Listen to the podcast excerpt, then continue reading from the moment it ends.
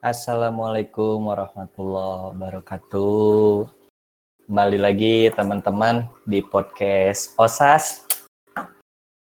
Nah, sekarang kita balik lagi di segmen sempurna. Semua punya argumen berbeda. Nah, kali ini ada yang beda nih. Soalnya Jaki di sini nggak ditemenin sama Bang Bang. Jadi Jaki jadi host satu-satunya di sini. Untuk yang sekarang kita ada oase baru nih. Ada teman ngobrol baru. Dipersilahkan untuk memperkenalkan diri, Kak. Langsung aja. Dipersilahkan buat memperkenalkan diri. Oke, Assalamualaikum warahmatullahi wabarakatuh. Waalaikumsalam. Selamat malam semuanya. Malam, pagi, siang, sore, subuh. Oh iya oke. Annyeonghaseyo, annyeonghaseyo. uh, oke perkenalkan nih. Uh, aku Lia. Dari tadi udah dengerin Jaki ngomong udah gitu aja perkenalannya. baik baik. Jadi Lia ini teman lama Jaki, teman lama Jaki sama Bang Bang dulu waktu zaman kuliahan. Alhamdulillah masih temenan, masih sahabatan sampai sekarang walaupun jaraknya jauh. Nah, kita langsung aja deh. Nah, untuk tema judul podcast sekarang yaitu kita mau ngebahas ini nih, Li. Keselarasan background pendidikan dan pekerjaan. Jadi, jadi itu beberapa hari kemarin sempat lihat di salah satu media sosial tepatnya Twitter, lagi rame nih yang ngobrolin mengenai background pendidikan dan pekerjaan di Indonesia. Nah, dulu juga Jaki awalnya kalau boleh cerita sedikit, sempat mau ngambil judul skripsi mengenai background pendidikan terhadap rekrutmen pekerjaan atau mungkin lebih tepatnya kayak judul ini keselarasan background pendidikan dan pekerjaan. Banyak di kita eh, teman-teman dari kita mungkin yang asalnya jurusannya apa atau misalkan eh, background pendidikannya apa tapi kerjanya apa. Terutama untuk yang di Twitter waktu itu lagi rame mengenai petani nggak salah ngomongin petani yaitu banyak teman-teman yang ngambil pendidikan mengenai pertanian. Ini bukan menurut Jaki ya, ini menurut dari tweetan di Twitter. Banyak yang mengambil background pendidikan, tapi kok jarang yang terjun ke dunia pertanian. Katanya Nah, di sini Jaki ngambil secara garis besarnya aja. Berarti tidak hanya pertanian saja. Bahkan kita pun kan sering ngedengar nih dari zaman dulu mungkin ibaratnya kerja mah nanti apa aja ntar ngikutin kok kerja mah. Malah nggak jarang di kita tuh banyak yang dulunya jurusannya apa kerjanya di mana gitu. Karena mungkin ibaratnya ya kalau rezeki kan gak ada yang tahu juga kan ya dari mana datangnya milik juga sama aja lah gitu. Dari mana apa datangnya dari mana aja. Nah yang pertama Jaki pengen tanyain ke Lia nih. Karena Jaki percaya Lia juga pasti punya argumen mengenai ini gitu kan. Menurut Lia pendidikan di kita tuh gimana sih? Kalau dari pendapat aku sih, uh, karena kan aku juga sekarang udah harus melek sama info-info pendidikan nih, karena kan mm. Background kerjaan juga. Mm. Kalau kata aku tuh emang pendidikan Indonesia tuh kalau dibandingin nih sama negara-negara lain, apalagi negara maju tuh emang jauh banget. Mm. Kita tuh kita tuh kayak stuck di situ-situ aja gitu. Mungkin uh, dari sekitar abad berapa pola mm. belajar itu kayak gitu aja Nah. Jadi kayak belum ada kemajuan lah gitu. Terus oh, uh, karena karena hal itu juga mau dari siswa mau dari guru itu ya selalu mengulangi pola yang sama gitu karena dari dari mereka sendiri tuh kayak nggak ada inovasi pengen pengen membuat sesuatu lah tapi mungkin nggak semuanya sih mungkin sebagian hmm. ada orang-orang tertentu mungkin yang punya terobosan-terobosan sama inovasi baru untuk hmm. pendidikan kita hmm. nah kalau bicara basic kerja sama uh, pendidikan itu tuh sebenarnya kayak ketika udah tahu ya gimana hmm. gitu beluk-beluk dan apa itu tuh kayak terbalik gitu mungkin dari awal pernah nggak sih e, mikir gini Zak ya aku mau kuliah dulu deh biar aku kerjanya tuh udah terju udah ter apa ya ter jadi udah ada arahnya gitu uh, uh. nah ternyata itu tuh salah sebenarnya ternyata oh oke okay. nah, kenapa kenapa kalau aku mikirnya gini sih karena udah uh, tahu juga dari pengalaman teman-teman yang emang ngalamin oh. gitu oh. kalau kata aku tuh lebih enak kerja dulu karena kita tahu nih kalau kita udah kerja kita hmm. tuh harus harus ngambil jurusan apa oh, terus harus harus gimana ya. jadi tuh ah. kayak udah terjurus gitu iya iya iya kayak ngerasanya gini kalau kita kuliah dulu tuh kita tuh udah lulusnya tuh bingung kita mau jadi apa gitu hmm, hmm, hmm, soalnya nah.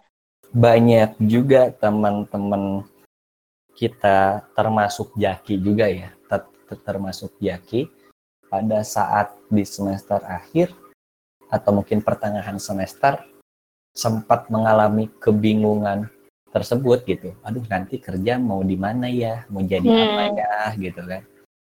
Itu juga. Tapi yeah. yang dimaksud sama Lia itu juga benar, benar juga. Jadi setuju juga. Ibaratnya sekarang kalau kita udah kerja, terus misalkan kerja kita misalkan udah menjurus, kita udah nyaman di lingkungan kerjaannya. Ketika kita ngambil jurusan pendidikan pasti bakal lebih spesifik lagi kan ya. Hmm. hmm. Karena niatnya dan tujuannya untuk diterapkan di dunia pekerjaan kita yang sedang kita yeah. jalani, betul betul. Hmm. Nah, nah, terus barusan Jaki pengen nanya nih, yang dimaksud stuck sama Lia pendidikan kita tuh gimana sih? Yang dimaksud pendidikan kita masih stuck, belum ada inovasi, terobosan dan sebagainya? Uh, misalnya kayak kalau di luar negeri tuh ya, kayak hmm. dari jam, jam jam sekolah nih terus dari hmm. kayak tugas atau apa pun itu hmm. gimana sih kita bikin eh gimana sih mereka bikin nyaman si muridnya siswanya hmm. untuk belajar nah kalau hmm. di kita tuh ditekankan ya 8 jam misalkan belajar hmm. 12 jam deh dari pagi kita pulang sampai sore tuh itu tuh kan udah uh, udah bukan gimana anaknya tapi kewajiban kan sementara oh. kalau di oh. beberapa negara maju itu kayak ya udah terserah deh muridnya mau milih apa. Yang penting uh, dia fokus di situ gitu. Jadi ketika dia udah dewasa dia udah tahu nih bakat sama minat dia tuh apa gitu. Dan kalau di Indonesia oh. tuh kayak masih semuanya tuh masih dipelajarin gitu. Padahal kan hmm. lebih enak gini loh Jak kalau misalkan kita nih masuk SD nih Jak kita tuh udah dites nih. Dites mungkin psikotes apa apa yang yang uh, yang ngarahin yang menerangkan kita tuh punya bakat apa dan kalau yeah. misalkan kita udah tahu nih kita minatnya di mana bakatnya di mana potensinya di mana itu tinggal diarahin aja misalkan ke bagian kesehatan ya udah tinggal masuk perawat gitu kan oh. kalau misalkan kayak kayak gini nih kita sekolah reguler ya oh. semuanya dipelajarin ketika udah lulus kita malah males duluan males belajar karena udah muak sama semuanya kayak gitu oh oke okay, oke okay. ini ngomong-ngomongin barusan dia ngomongin Jackie pernah baca dulu. Lama udah lama banget sih udah udah beberapa tahun ke belakang. Sempat jadi tugas juga. Kalau Jaki nggak salah Finlandia tuh sem entah sempat atau masih ya uh, jadi negara dengan pendidikan nomor satu. Kalau Jaki iya, nggak salah kalau Jaki nggak ya, salah dan di sana tuh tidak ada yang namanya PR katanya Hmm. Bahkan ujian pun jarang. Bahkan sistem hmm. ranking pun kalau nggak salah nggak ada di sana. Kalau ada, kalau, iya. uh, kalau Jaki nggak salah. Nah, terus ada salah satu juga waktu itu cuman Jaki lupa. Jaki dengar dari mana, kalau nggak salah di Jepang atau di mana gitu. Tapi yang pasti itu negara maju. Bener kata Lia tadi, di negara tersebut tuh siswa TK atau mungkin kalau di kita TK atau SD awal lah. Itu tuh udah dites ibaratnya kalau misalkan ada satu anak nih ada satu anak yang dia misalkan tertariknya terhadap seni atau menggambar, udah dia tuh sampai gede tuh dikerucutin. Jadi pendidikannya mengenai seni terus. Katanya sih gitu. Kalau Jaki nggak salah ya. Sampai yang terakhir Jaki dengar waktu itu pekerjaan paling bergengsi di Finlandia itu guru. Bahkan yang bisa jadi guru tuh hanya berapa terbesar gitu. Kalau nggak salah 10 terbaik seuniversitas gitu. Kalau nggak salah nggak tahu sejurusan jadi lupa. Dan itu yang bisa jadi guru. Jadi pekerjaan menjadi guru di negara tersebut sempat jadi sempat atau masih ya sempat atau masih jadi primadona mungkin ya jadi idaman karena yang paling dihargai yang paling tinggi salah satunya ya guru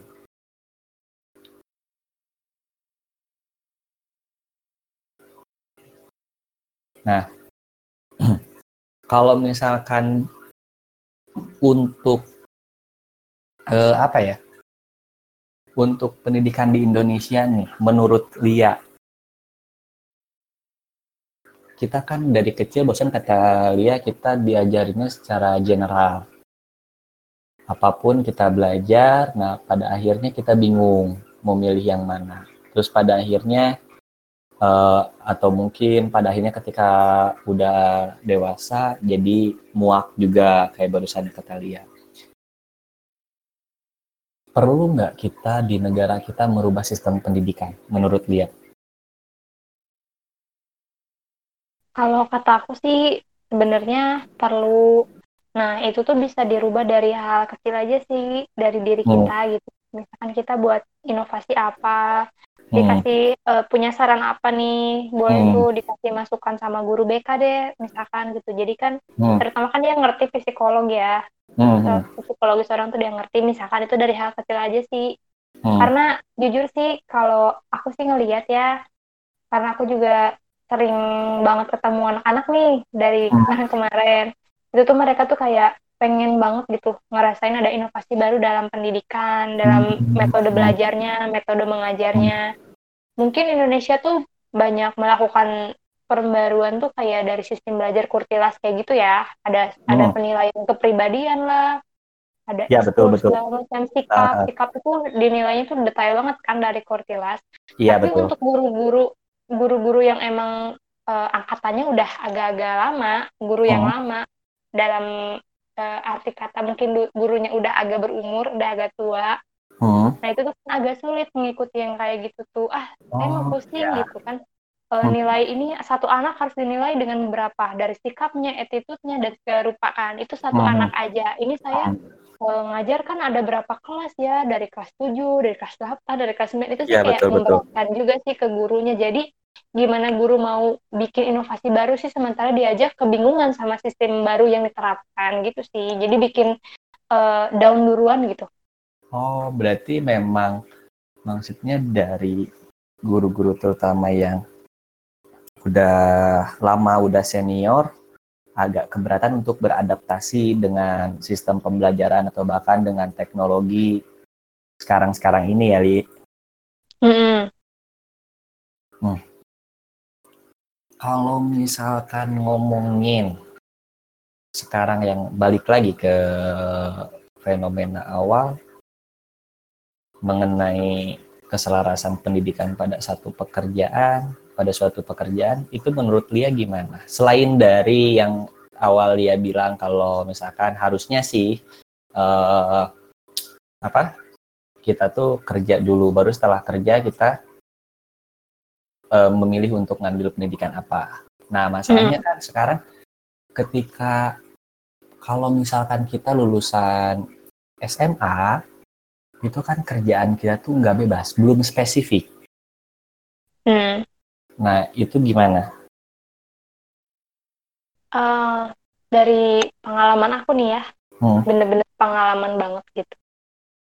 Mau SMA maupun S1, kalau perusahaan itu sekarang sebenarnya nggak hmm. lihat basic pendidikan sih dia ngelihat itu skill di, dari kita tuh gimana kadang hmm. gini loh uh, ada beberapa perusahaan yang memang dia tuh malah ngebutuhin anak SMA. Karena Malah apa? malah ngebutuhin anak SMA dibanding anak lulusan S1. Kenapa? Karena kan kita anak ekonomi ya, udah jelas tahu dong kalau misalkan kita eh, memperkerjakan si karyawan kan harus diupah.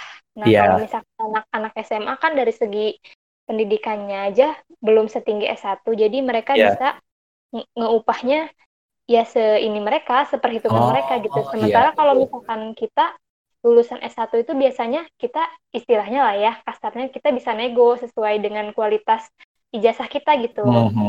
Kayak gitu. Jadi perusahaan itu sebenarnya lebih gimana ya, lebih lebih cerdas, lebih gimana sih caranya dia bisa memini- meminimalisir si pengeluaran itu gitu dengan cara ya gitu. Jadi kalau eh, bikin re- recruitment tuh biasanya ya begitu minimal gitu SMA atau Hmm, maksimal hmm, SMA gitu. Sementara kita yang S1 juga kan untuk cari lapangan kerjaan apalagi sekarang ya ditambah Hmm. pandemi gini kan semakin sangat terbatas banget. Iya betul betul betul betul. Kalau menurut Lia mengenai eh, pekerjaan yang tidak selaras dengan background pendidikan itu gimana? Setuju nggak? Eh, sebenarnya nggak ada ini sih, nggak ada larangan ya buat kita Hmm. mau mempelajari hal baru, Iya, mau betul. mem- apa sih kayak mengembangkan skill kita. Tapi kan Hmm. kita gitu, istilahnya udah ngambil satu langkah buat difokusin.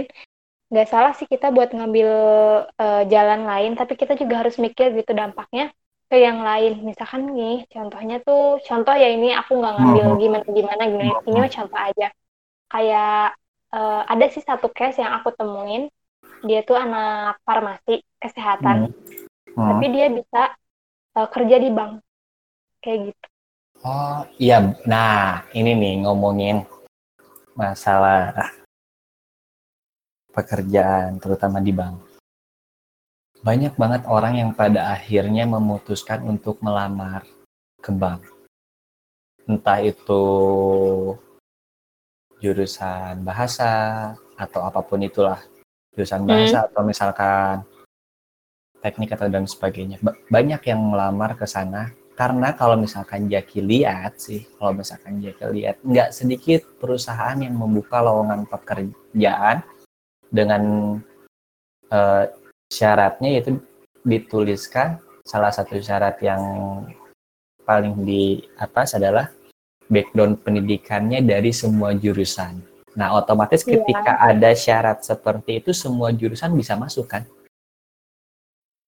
nah kalau setahu aku sih karena aku Hmm. juga udah ngalamin beberapa kali Hmm, coba buat masuk ke lingkungan bank ya itu hmm, tuh ada ada syarat kalau buat anak kesehatan lulusan kesehatan tuh biasanya nggak boleh Oh. tapi ada Zak dia anak SMA sih tapi dia masuk gitu makanya kayak dia tuh udah punya jalur sendiri gitu nggak Oh. masalah sih mungkin dia mau mau coba hal yang lain mungkin juga dia Hmm. iseng-iseng aja masukin Hmm. tapi lolos gitu tapi kan dia juga Hmm. harus mikirin dampak yang lain ke ke orang lain gitu misalnya kayak jurusan ekonomi itu gimana Iya betul betul gitu. betul betul betul betul. banyak banget nih eh, hal-hal kayak gitu tuh jangankan dari pekerjaan ya Jak ya dari jurusan aja nih Iya, benar. Jaki kita baru aja mau mau mau ngomong masalah itu. IPA IPS gitu ya Jak ya kayak zaman SMA IPA IPS nih oh dia Hmm. IPA dia IPS gitu nah ketika Hmm. lulus dia mau kuliah tiba-tiba dari jurusan IPS ke perawat tiba-tiba Ah, dari iya. jurusan IPA, itu malah ke akuntansi ekono- Iya benar-benar. selama selama ya tiga tahun lah kehitungannya dua tahun lah ya dia Mhm. dia belajar kimia gitu matematian Mhm. tiba-tiba dia belajar ke ekonomi Iya, akuntan benar. akuntansi gitu kayak ya ampun gitu kalau misalkan emang dia nggak nggak bisa nerima resiko untuk jurusan dia ya kenapa harus diambil gitu karena benar. ya pokoknya segala sesuatu hal keputusan itu tuh harus ngelihat dampak ke orang lainnya Jangka panjang orang dan, lainnya. dan dan dan orang lain juga ya. iya kayak gitu Soalnya Jackie dulu waktu SMA juga sempat punya pertanyaan yang sama, ya kayak gitu.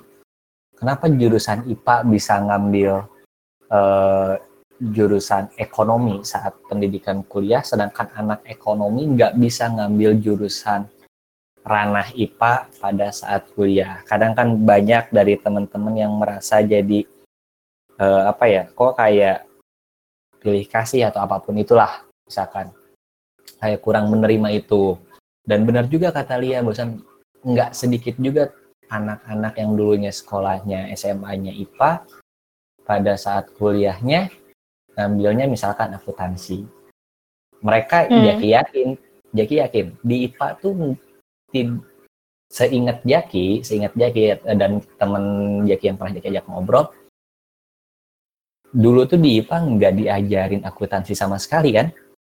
Hmm. Nah, makanya banyak teman-teman Jaki yang di mungkin beberapa, beberapa di akuntansi atau mungkin sempat belajar di akuntansi, misalkan di manajemen belajar akuntansi sempat kaget juga karena saya tidak pernah mengal dia dia tidak pernah mengalami atau misalkan mendapatkan pendidikan itu sebelumnya tidak pernah mendapatkan pendidikan dasarnya walaupun walaupun Jaki yakin di kuliah itu pasti diajarin dari basicnya dulu kan iya nah Terus barusan Jeki pengen ngobrolin ini lagi nih.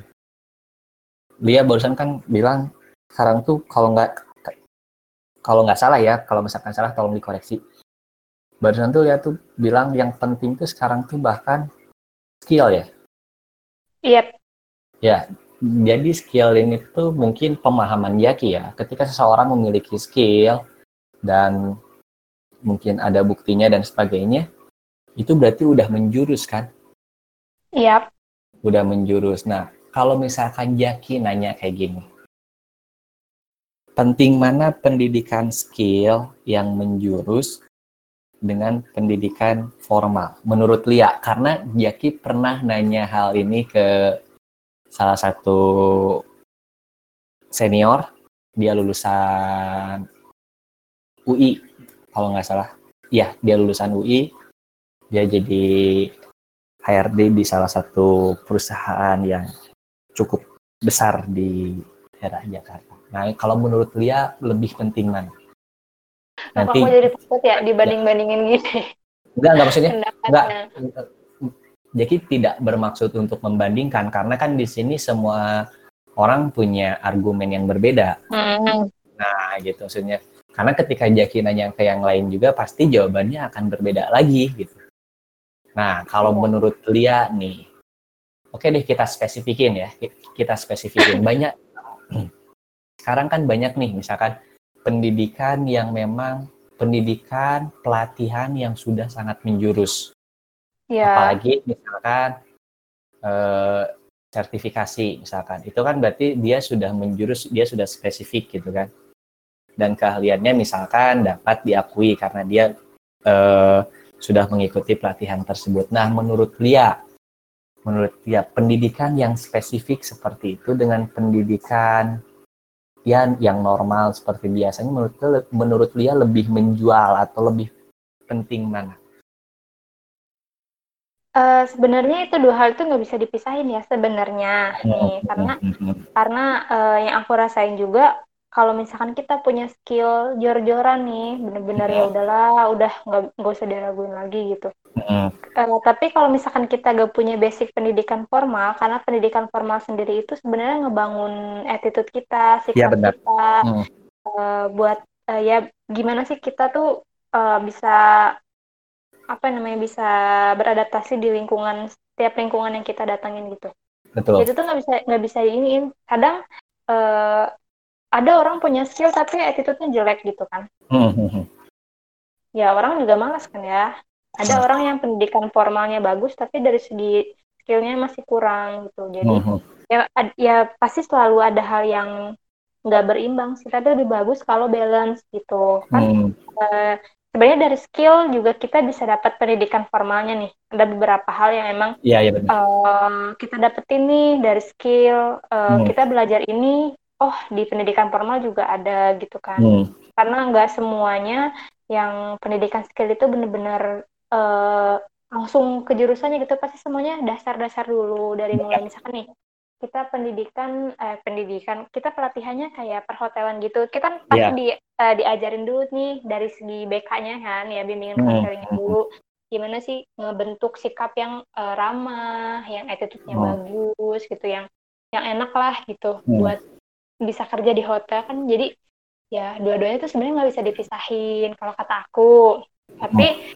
kalau kamu mikirnya pengen cepat ya cepetan kene pelatihan sih kayak kalau dari pengen cepat kerja gitu atau gimana oh. sebenarnya cepat-cepat dari segi pelatihan karena perusahaan itu biasanya kalau lihat uh, kayak ijazah gitu dia hmm. kadang kalau lihatnya tuh kalau nggak dari nilai juga cuman kan kadang nilai mah bisa di ini ya Iya benar Duh, benar benar. Bisa dimanipulasi lah ya. Iya benar. angka bisa diotak-atik gitu. Iya benar. Nah, nah, tapi kan kalau misalkan pelatihan gitu kan dari skill itu kan nggak bisa.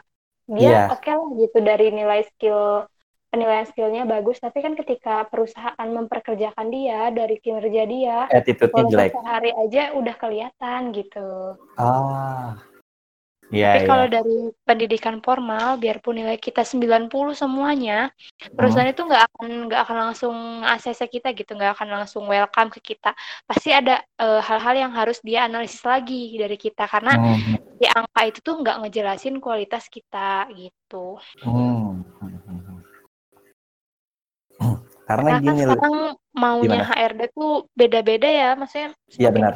ke sini tuh semakin ya permintaannya semakin wah gitu kita tuh harus tuh gitu menguasai hmm. apa menguasai apa ya ya ya benar benar benar kadang Soalnya, jadi punya nilai bagus aja tuh nggak cukup belum cukup ya hmm. Hmm. karena gini dulu Jaki sempat ngobrol sama ya senior yang lebih tua dari Jaki dia sempat nyeletuk sih nyeletuk nyeletuk ngobrol bahwa zat sebenarnya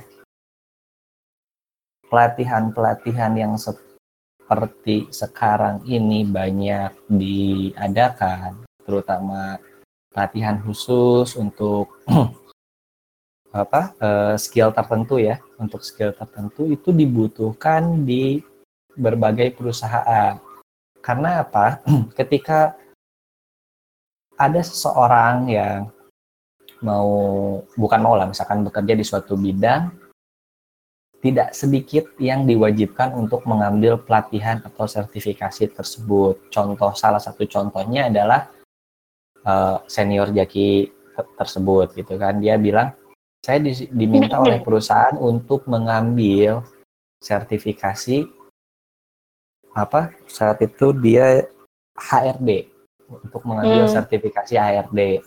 Bahkan dia pun merekomendasikan bawahannya, stafnya untuk mengambil salah satu sertifikasi mengenai salah satu bidang tersebut. Nah, secara tidak langsung berarti jadi memberikan, oh ternyata uh, pendidikan yang berbentuk sertifikasi dan pelatihan itu diperlukan di bidang pekerjaan. Mungkin itu menjadi salah satu syarat administrasi Salah satunya mungkin untuk naik jabatan, mungkin ya, mungkin. Nah, sampai dia nyeletuk, pernah nyeletuk kayak gini.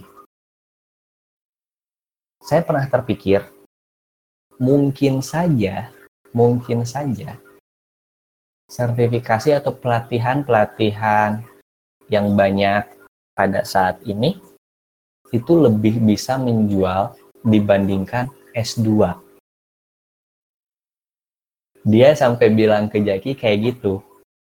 Dia sampai bilang ke Jaki kayak gitu. Karena gini Zak ketika kita mempunyai skill dari pelatihan atau misalkan sertifikasi berarti secara tidak langsung itu sudah diakui apalagi jika pelatihan atau misalkan sertifikasinya ada ujiannya dan itulah kenapa banyak karyawan atau misalkan orang yang bekerja ketika ingin naik jabatan atau misalkan menduduki suatu bidang pekerjaan diwajibkan untuk mengambil sertifikasi tersebut. Gitu. Tapi balik lagi, Jaki juga setuju sama yang Lia omongin tadi bahwa pendidikan tuh sebenarnya tidak hanya mengajarkan skill, tapi hampir banyak hal yang kita bisa pelajari dari pendidikan yang normal atau formal. Nah, sekarang Jaki pengen nanya nih. Menurut Lia, Jaki pernah nanya ini ke teman Jaki juga. Menurut Lia, output dari pendidikan atau kuliah itu apa? Soalnya, soalnya, soalnya gini, Jaki yakin banyak teman-teman, termasuk Jaki, termasuk Jaki, mungkin juga termasuk Lia, kalau misalkan harus direview ulang, pasti nggak akan ingat semuanya dong. Hmm. Tentang ilmu-ilmu, ya kalau misalkan, contoh misalkan IPK Lea, eh sorry, IPK Lia sekarang misalkan eh kemarin 4. Kalau misalkan Lia ditanya mengenai satu pelajaran di semester 2 atau di semester 1, itu juga kan belum tentu ingat kan? Iya. Nah, jadi ketika Jaki nanya, eh, yang Jaki tanyakan adalah menurut Lia output atau hasil dari kuliah itu apa sih? Oke, sebelum aku jawab, aku mau nanya lagi sama Zaki ya Zaki ya ini serius banget loh Zak. Hmm. Pembahasan kita tuh berat banget ya. ya ampun, kenapa kayak kalau sama yang lain bahasanya ringan-ringan, kenapa sama aku bahasanya begini? karena, karena Jaki ngerasa dia punya kapasitas yang baik mengenai pembahasan ini. Oke, aku jawab deh punya kemampuan hmm. yang baik lah. Amin, mudah-mudahan. Hmm. Ini output kuliah kan?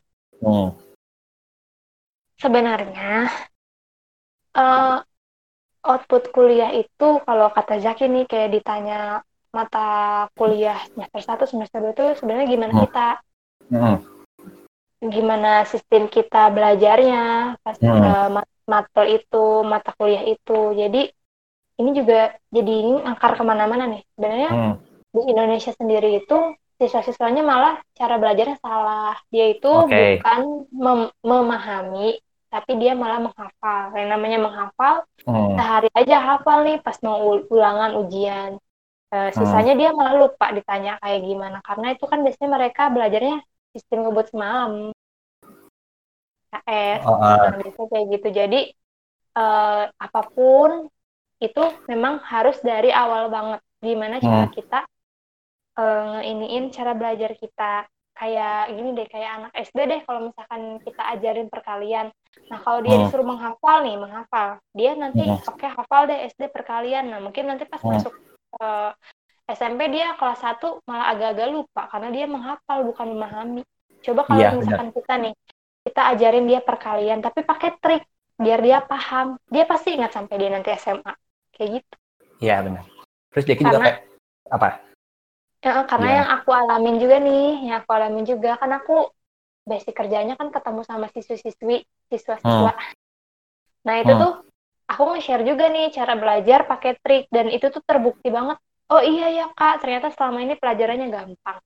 Oh iya ya hmm. kak karena selama ini tuh kita tuh metode belajarnya tuh nggak kayak gitu gitu. Jadi uh, mungkin dari sebagian guru itu kalau ngajar itu nggak pernah nge-share triknya atau tipsnya. Dia cuma ngejelasin ya udah yang ada di buku yang dia pahami udah.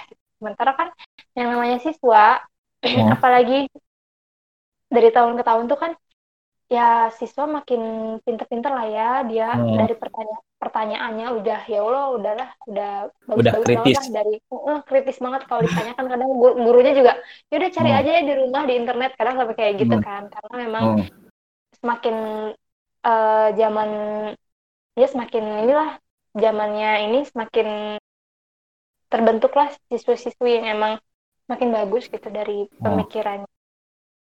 Kayak gitu Benar. jadi dari awalnya dari awalnya dulu nih kita ngebentuk si anak itu kayak gimana. Hmm. Kayak gitu. Nah, terus dari output kuliah. Hmm.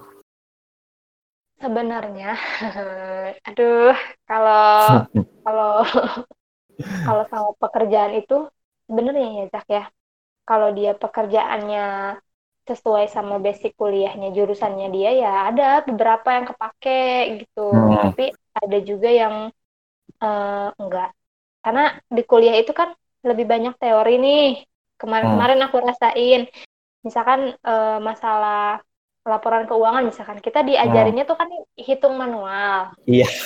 Tapi ketika kita masuk ke perusahaan udah dikasih aplikasi udah di laptop. Nah kita kan iya, iya, benar, kita belajar uh. dari awal. Jadi dari dari uh, pendidikan si S1 aja itu masih belum bisa menerapkan teknologi padahal di yeah, yeah, itu udah udah semuanya itu udah canggih makanya kayak yeah. masih belum balance gitu kalau kata aku hmm, hmm. jadi uh, tapi aku agak salut juga sih sama um, sama kampus kita kemarin ya nah hmm. mereka itu benar-benar ngebentuk kita tuh bukan jadi karyawan tapi buat gimana caranya kita jadi wirausaha jadi iya. bosnya yeah, jadi bener. orang hmm. yang ini jadi aku sih salut sih soalnya kebanyakan uh, kampus-kampus yang lain tuh belum mikir ke situ gitu, belum pengen jadiin mahasiswa-mahasiswanya jadi owner gitu, jadi CEO, yeah. eh, CEO-nya gitu. Nah, kebanyakan hmm. mereka ya udah yang penting lulus aja gitu. Nah, kalau hmm. misalkan kemarin kan kerasa banget nih banyak praktek ini itu, yeah. yang jualan, yang ini, yang itu, hmm. penelitian itu tuh kayak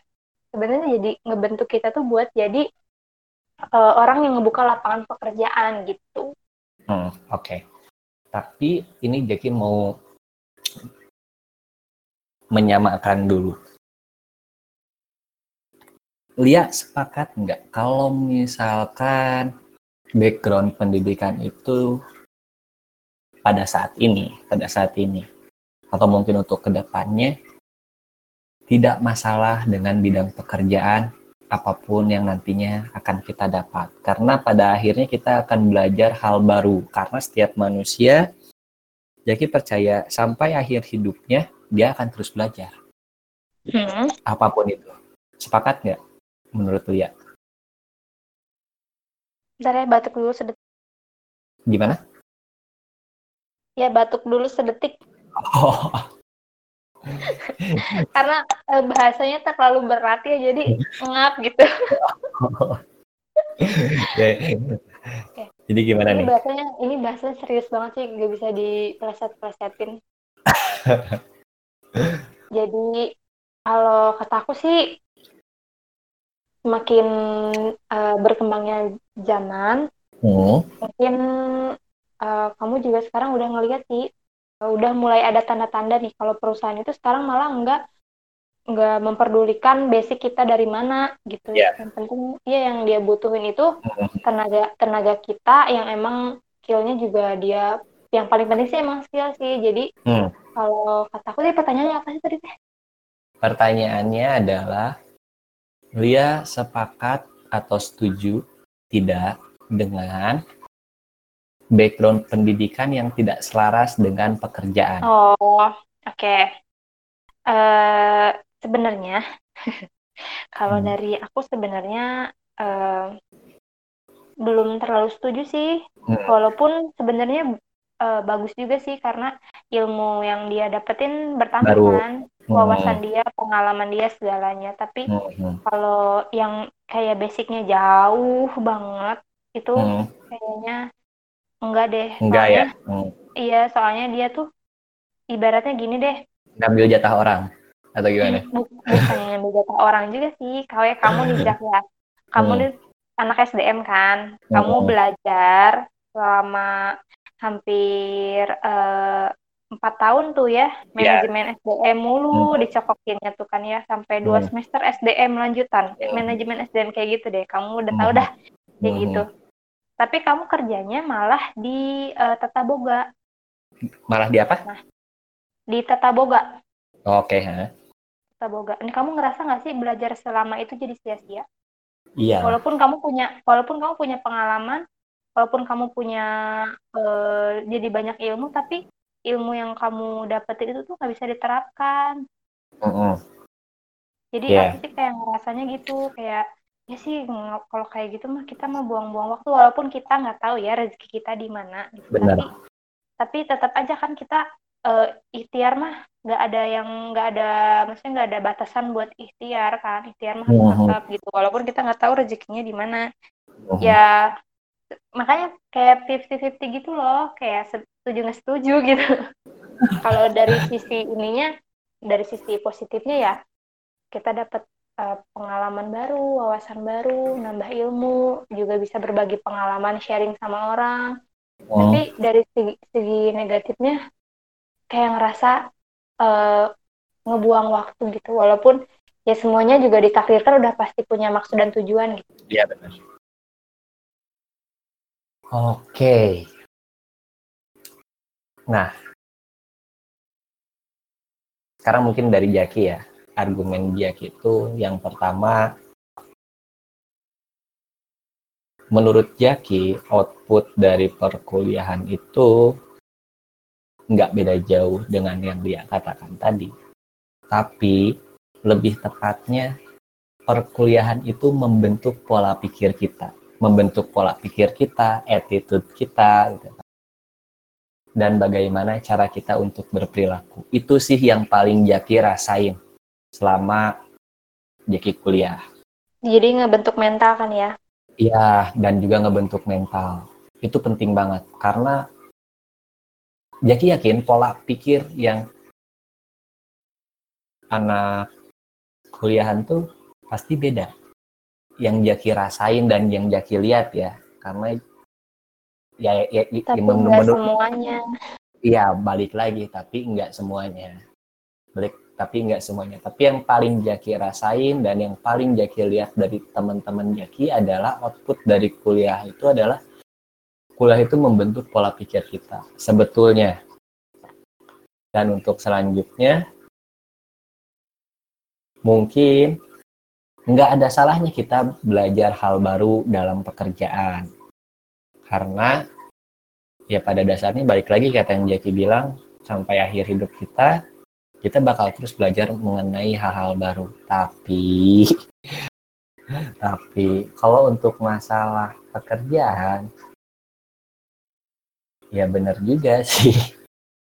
kalau bisa sih jangan kejauhan. Kayak misalkan tadinya Jaki di uh, manajemen SDM nggak pernah nyentuh sama sekali tata boga. Terus pada akhirnya Jaki kerjanya di bidang tata boga. Walaupun pada akhirnya sih kita nggak tahu kita bakal dapat rezekinya dari mana kan. Nah ini deh. Untuk penutup deh nih Lia. Karena mungkin karena udah agak cukup lama juga sih. Walaupun sebenarnya Jaki masih pengen ngobrol banyak. Menurut Lia bukan menurut Jaki minta sepatah dua patah atau mungkin satu paragraf oh my god. dari Lia untuk mengenai pendidikan dan keselarasan background pendidikan dengan pekerjaan. Jadi disuruh bikin quotes gitu ya? Ya boleh. Mau bikin quotes boleh, mau ngasih wejangan juga boleh bebas. Tapi yang ada iya, hubungannya. Ya, intinya intinya sih um, kalau misalkan kita tuh ya dari dari pokoknya kita belajar itu hmm. adalah suatu kewajiban itu benar. Betul. Tapi kita jangan pernah ngerasa males atau lelah belajar karena kan kita hmm. nggak hmm. tahu nih uh, di di beberapa tahun yang akan datang itu kayak gimana karena uh, uh, karena yang aku rasain tuh gitu kalau misalkan dulu aku males ya sekarang malah jadi gini gitu jadi jangan sampailah kita malah nyesal di pada akhirnya gitu di tahun tahun-tahun yang akan datang gitu. Karena uh, apa yang kita mulai hari ini itu yang akan kita dapetin di masa depan gitu. Jadi kalau misalkan sekarang kalau misalkan sekarang kitanya kayak meremehkan sesuatu mungkin di masa depan kita yang diremehkan sama orang lain kita nggak ya, tahu. betul. Hmm. ya jadi untuk segala sesuatu yang lagi kita jalanin ya kita syukurin aja. Uh, segala sesuatunya harus kita maksimalin mau itu uh, serak di hati ataupun enggak karena semua itu pasti punya cerita punya hal yang baik untuk diri kita. Jadi ya jangan insecure dulu lah gitu. Jadi yeah. jangan ngerasa kayak ah kayak salah jurusan jangan kayak gitu sih. Karena hmm. semua ini pasti selalu ada solusinya. Kalau misalkan kita tuh mau mulai merubah pola pikir kita, kebiasaan kita, karena semua segala sesuatu yang baik itu tuh awalnya dari diri sendiri. Betul. Jadi setuju dengan apa yang dia omongin barusan. Mungkin untuk nambahin buat teman-teman yang dengerin ini yang mungkin masih belajar atau sekolah, ketika kalian menghadapi suatu pelajaran yang tidak kalian sukai atau misalkan kayak barusan dia bilang ngerasa kalian salah jurusan atau benci terhadap suatu pelajaran, Jaki pernah dapat pesan dari guru SMA Jaki yang Jaki ingat sampai sekarang, yaitu ketika kamu tidak menyukai suatu pelajaran, sampai kapan pun kamu tidak akan bisa untuk memahami pelajaran tersebut. Jadi, yang pertama adalah kita harus sukai dulu pelajaran tersebut. Tidak hanya pelajaran, tapi ini juga berlaku untuk semua hal di kehidupan kita. Kita harus menyukai pelajaran itu terlebih dahulu, sehingga ketika kita menyukai pelajaran itu, menyukai pelajaran itu, kita akan bisa atau kita akan memiliki rasa tertarik atau ingin tahu mengenai pelajaran tersebut. Setelah itu, kita akan giat dan rasa malas kita akan hilang. Mungkin Jadi, bukan mulai menyukai sih Bapak Zaki ya, tapi lebih tepatnya merubah mindset kita terhadap ya. suatu hal itu. Ya benar. Kita harus bisa merubah mindset kita lebih positif lagi mungkin ya. Ya, tentu. Tapi kan itu bukan omongan Jaki, itu pesan dari guru Jaki SMA. Hmm, iya. gitu. Tapi kalau misalkan sekarang itu lebih disebutnya kayaknya kita harus open minded gitu. Benar, kita harus open mind. Baik, kayaknya udah cukup lama. Udah mau subuh nih. ya, kayaknya udah iya. mau subuh nih. Dia kita kita ngobrol dari jam 8 sampai udah iya. mau subuh nih. Bentar lagi azan nih. Iya, iya. Aduh, baik kayaknya udah harus ditutup nih. Walaupun masih banyak banget pertanyaan dan obrolan yang pengen Jaki obrolan. Tapi makasih banyak ya udah nyempetin waktunya buat ngobrol di sini. Maaf mengganggu waktunya. Semoga besok-besok bisa ngobrol lagi ya Lia ya. Sami-sami, uh, tapi aku juga mau nambahin pesannya. Semoga apa? kalau di lain waktu kita uh, diskusi lagi kayak gini sih, semoga temanya nggak seberat ini ya. Iya iya iya. Nanti aku diusahakan kayak, ya. Kayak nggak jadi nggak jadi diri sendiri gitu di sini tuh. Mm-hmm. Iya iya iya. Ntar itu bisa diobrolkan lah gitu. Baik, terima kasih Ria. Sama-sama. Nah, buat teman-teman yang mungkin lagi gabut, boleh nih didengerin atau tengok-tengok dulu juga boleh.